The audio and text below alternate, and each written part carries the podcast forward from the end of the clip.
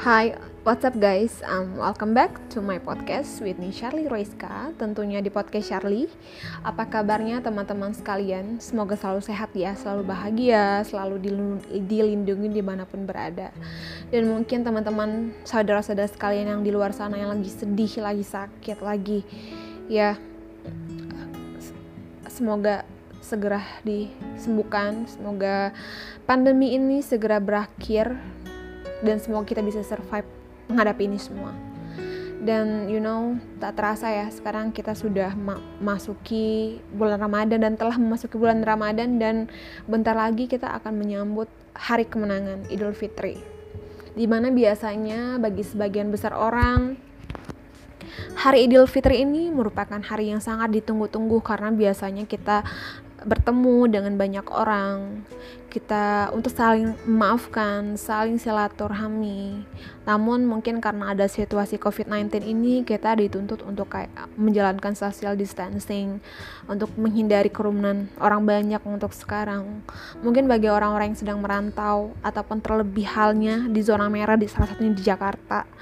Langkah kecil yang bisa berdampak besar untuk keluarga kita di kampung halaman adalah dengan tidak mudik karena kita nggak pernah tahu dong kita ini pembawa virus atau enggak karena itu tadi dengan kita nggak mudik kita memberikan salah satu kontribusi untuk menghentikan penyebaran ini ke kampung halaman. So aku mohon banget untuk teman-teman di mana pun berada ketika kamu benar-benar sayang sama keluarga kamu pengen kampung halaman kamu terhindar dari virus ini please nggak mudik. You know sebenarnya this is the first time for me nggak mudik tahun ini tapi ya aku sadari bersama ini mungkin bisa salah satu kontribusi kecil aku agar orang-orang kamu halaman aku terhindar dari virus ini. Oke, okay, tadi aku sedikit menyinggung tentang momen saling memaafkan ya selama Idul Fitri. Dan sebenarnya ketika kita berbicara tentang saling memaafkan, itu bukan hanya di bulan Idul Fitri aja ya, di hari Idul Fitri aja ya. Sebenarnya memaafkan ini bisa di mana aja, kapan aja, kalau bisa sesegera mungkin. Karena you know, dengan kita memaafkan, hati kita bisa menjadi lebih tentram. Dengan kita memaafkan, kita akan terhindar dari penyakit-penyakit hati ataupun dendam tak berkesudahan. Kita terhindar dari rasa sakit yang tak berkesudahan. Jadi penting banget untuk kita bisa memaafkan tapi ya kita sadari bersama semua orang punya masalahnya masing-masing. Se semua orang punya rasa hati yang tersakiti dalam suatu momen yang tak mungkin tak bisa kita bayangkan betapa sakitnya itu. Jadi kita nggak bisa langsung nyuruh orang untuk segera memaafkan. Is normal kalau kita butuh untuk memaafkan. Nah namun di sisi lain kita pengen sekali memaafkan terkadang tapi kita pengen ya udah kita lupain semuanya gitu. Tapi ternyata untuk melupakan seseorang melupakan momen-momen apa pun yang menyakiti kita itu nggak mudah teman-teman sekalian. Because we never really forget anything right? Kita nggak bisa melupakan seseorang apa pun itu tuh secara permanen. Because memory is stored permanently in our brain right? Semua itu udah tersimpan mama, apa permanen di otak kita. Jadi mustahil ataupun agak susah kalau kita mau memaafkan sekaligus melupakan.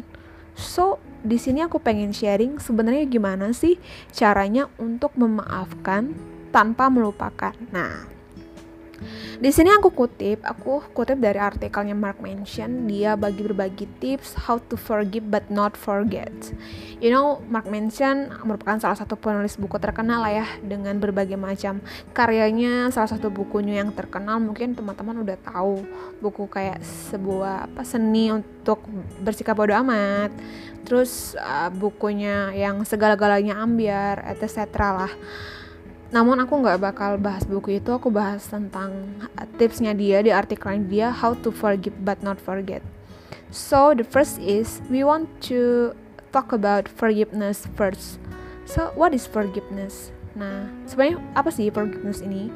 So Mark Manson bilang, forgiveness is choosing to not let negative events of the past define how you feel about someone or something in the present.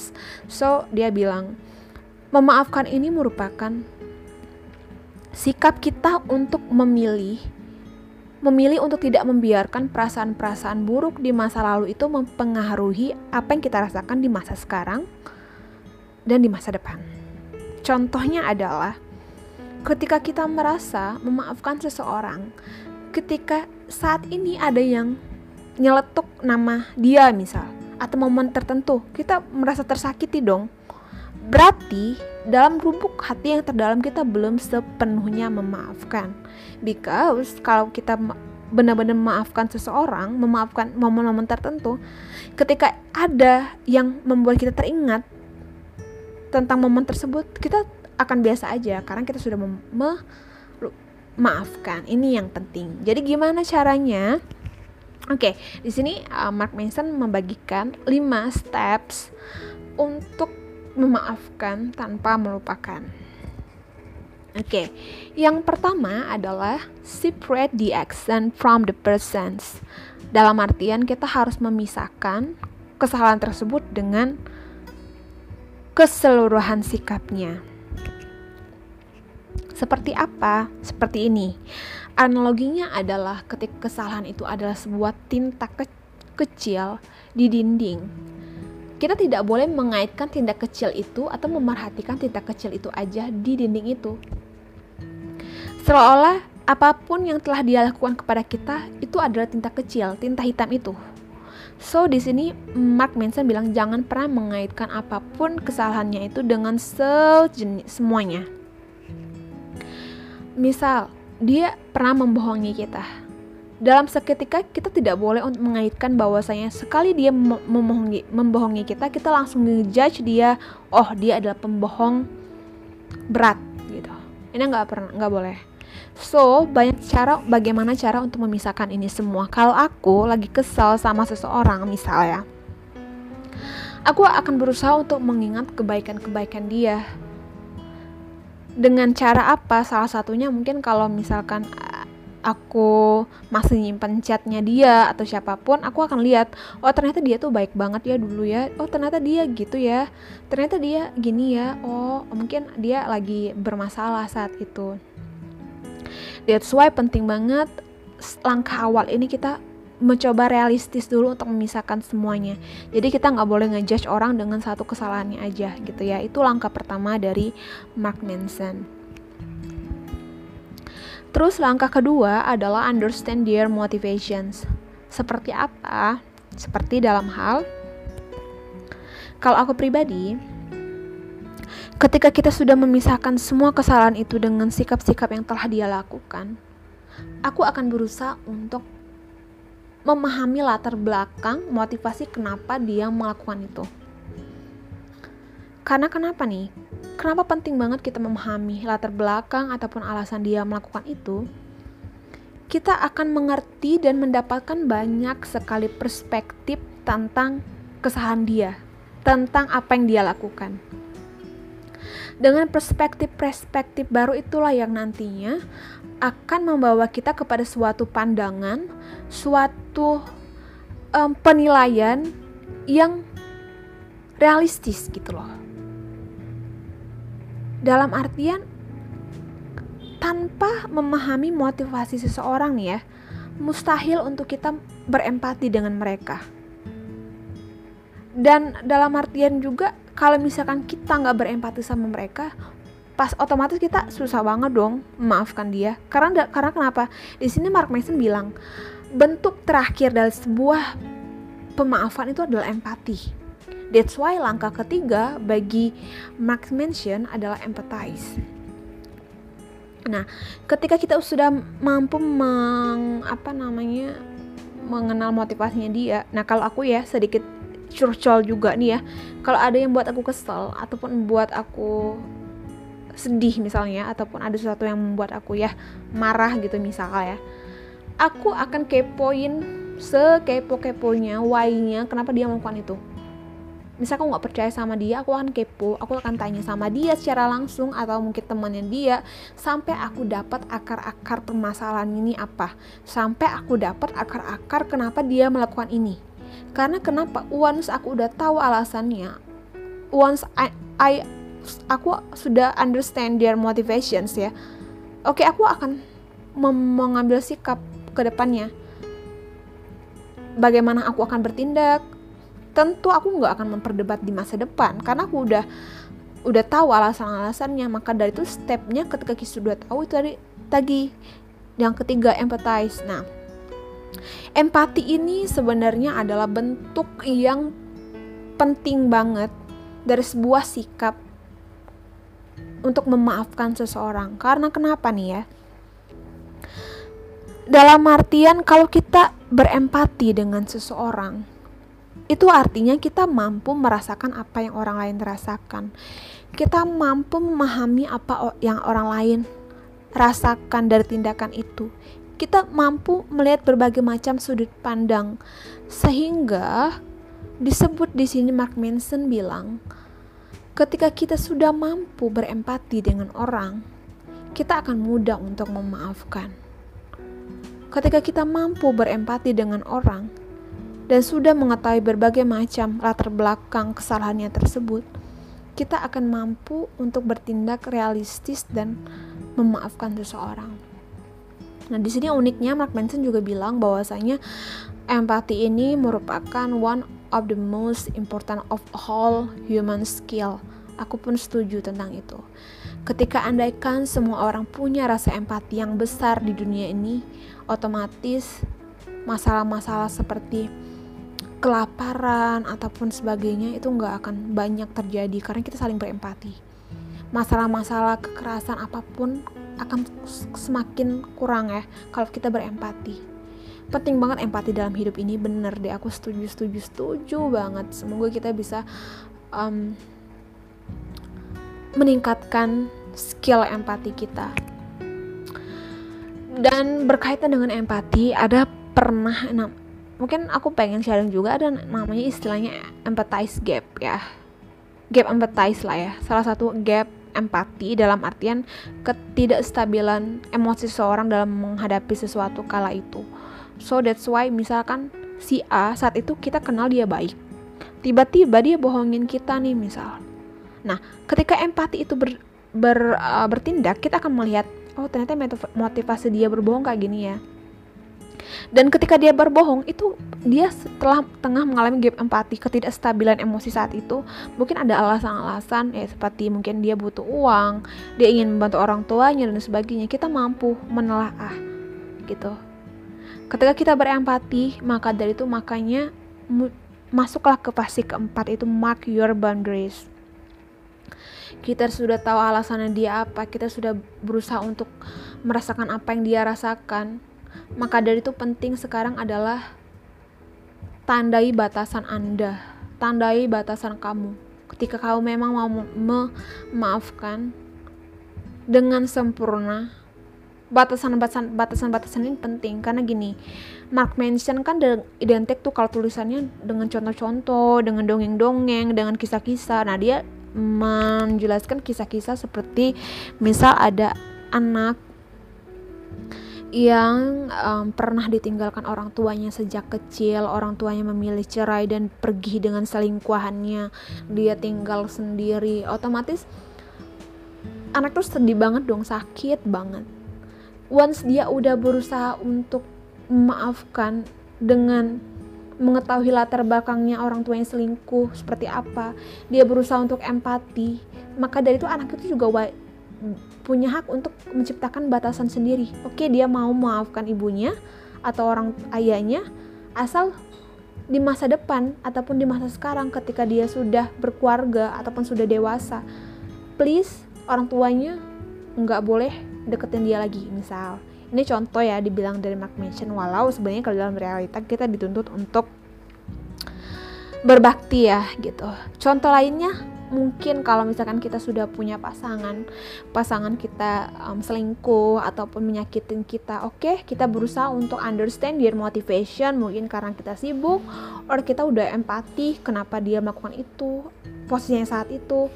Untuk memaafkan kita harus mengerti batasan-batasan orang tersebut akan masuk dalam hidup kita sebagai apa gitu ketika kita mampu memaafkan asal kita nggak ada hubungan lagi misalnya. Kita batasannya oke okay, aku maafin dia tapi cukup sampai di sini kita nggak usah berhubungan lagi. Itu batasan batasan batasan yang diciptakan. Atau mungkin kalau dalam keluarga oke okay, dia berbohong tapi ternyata dia berbohong tapi itu masih dalam kadar sewajarnya oke? Okay? dia tetap ada pada diri kita tetap ada di sekitar kita gitu. Jadi uh, mark your boundaries ini penting banget tandai batasan anda dan pikirkan value hidup anda se sejalan enggak gitu loh. Penting banget. Ini adalah batasan-batasan yang kita ciptakan sendiri agar mudah untuk memaafkan. Karena benar dengan batasan tersebut mungkin mereka mampu untuk mem memaafkan secara penuh dengan tidak melupakan hal itu. Jadi penting banget uh, tahap keempat ini adalah tahap krusial penentuan dari seseorang dia mau memaafkan dengan batasan apa? Itu sih yang dikatakan Mark Manson namun sebenarnya kalau ada baiknya sih um, kita maafkan dan juga memang batasan ini penting agar ke depannya nggak terjadi lagi gitu. Misalkan ada teman yang bohong ya dia pinjam pinjam uang ke kita dan nggak mau balikin misalnya ya udah kita sekarang kita udah tahu dia motivasi apa dia butuh uang misalnya kita udah berempati bagaimana posisi dia sekarang. Mungkin batasannya adalah ya udah next kita nggak bakal minjamin uang lagi gitu kan. Jadi itu sih batasan-batasan yang dibilang oleh Mark Manson karena dengan batasan itu akan membuat kita mampu memaafkan seutuhnya tanpa melupakan dan yang terakhir dan yang paling terakhir adalah eliminate emotional attachment dalam artian hilangkan keterikatan emosional yang seperti apa ini tahap terakhir dari memaafkan seutuhnya karena kenapa? Kita tahu bahwasanya kita benci sama orang, kita mungkin sakit sama orang, kita udah berempati, kita udah memaafkan. Namun kita butuh konsisten untuk melakukan itu. Rasa apa yang pengen kita pupuk? Kita harus menghilangkan keterikatan emosional yang negatif. Ketika kita sudah mampu dan memilih untuk memaafkan, oke okay, perasaan bencinya kita hilangkan, kita berusaha untuk menciptakan perasaan-perasaan baik, berprasangka buruk, berprasangka baik maksudnya gitu. Nah, jadi kalau misalkan di sini Mark Manson mengartikan bahwasanya anggap saja nih dunia ini kita punya peliharaan serigala nih. Itu ya contoh yang dibilang sama Mark Manson ya. Satu serigala yang penuh cinta, satu serigala yang penuh ke dengan ketakutan. Nah, kita harus milih nih mengasih makanan ke yang punya rasa cinta yang banyak atau yang ketakutan yang banyak. Nah, that's why penting banget ketika kita sudah menciptakan batasan, oke, okay, kita hilangkan keterikatan emosional gitu. Jadi itu teman-teman lima tahap bagi uh, Allah Mark Manson ketika dia pengen melupakan sesuatu hal. Jadi benar juga sih. Kalau dari aku sendiri, bagi aku ya, satu hal yang terpenting keystone untuk memaafkan seseorang adalah empati. Ini luar biasa banget sih empati. Kita mampu merasakan apa yang dia rasakan saat itu, mampu menganalisis berbagai macam latar belakang motivation dia melakukan kesalahan saat itu. Dan ketika kita empati, ya inilah kita akan mudah untuk memaafkan seseorang. Itu bagi aku ya. Dan well, itu tadi mungkin dari sedikit tips dari Mark Manson terkait how to forgive but not forget. But I believe semua orang di sini pendengar aku pasti punya cara masing-masing ya untuk memaafkan seseorang. Semoga kita termasuk salah satu yang mampu dan bisa untuk memaafkan seseorang dengan tulus, untuk bisa menghilangkan rasa-rasa balas dendam, rasa sakit, dengan segera. Semoga hati kita menjadi bersih, hati kita menjadi uh, lebih baik dari hari sebelumnya, gitu sih. Oke teman-teman, mungkin itu aja dari aku. Uh, 5 steps untuk memaafkan seorang tanpa melupakan dari, dari Mark Manson. Yang pertama adalah separate the action from the person. And then yang kedua adalah understand their motivations. Yang ketiga empathize. And then mark your boundaries. And then yang terakhir adalah eliminate emotional attachment. So oke okay, itu aja dari aku untuk masalah um, topik pada hari ini. Jadi semoga ke depannya ketika kita sudah menyambut bulan kemenangan dan ketika besok pun seharusnya kita mampu untuk berusaha memaafkan siapa pun di diri kita agar hati kita menjadi tenang tentram dan lebih happy pastinya. Oke teman-teman sekalian, thanks udah dengerin episode ini sampai habis. Semoga bisa bermanfaat untuk kita semua. Next, jika kalian punya rekomendasi topik apa pun bisa banget request ke aku di email ataupun Instagram. Lihat aja deskripsi grup. Pokoknya jangan sungkat untuk tanya sama aku. Oke, thanks teman-teman sekalian. Bye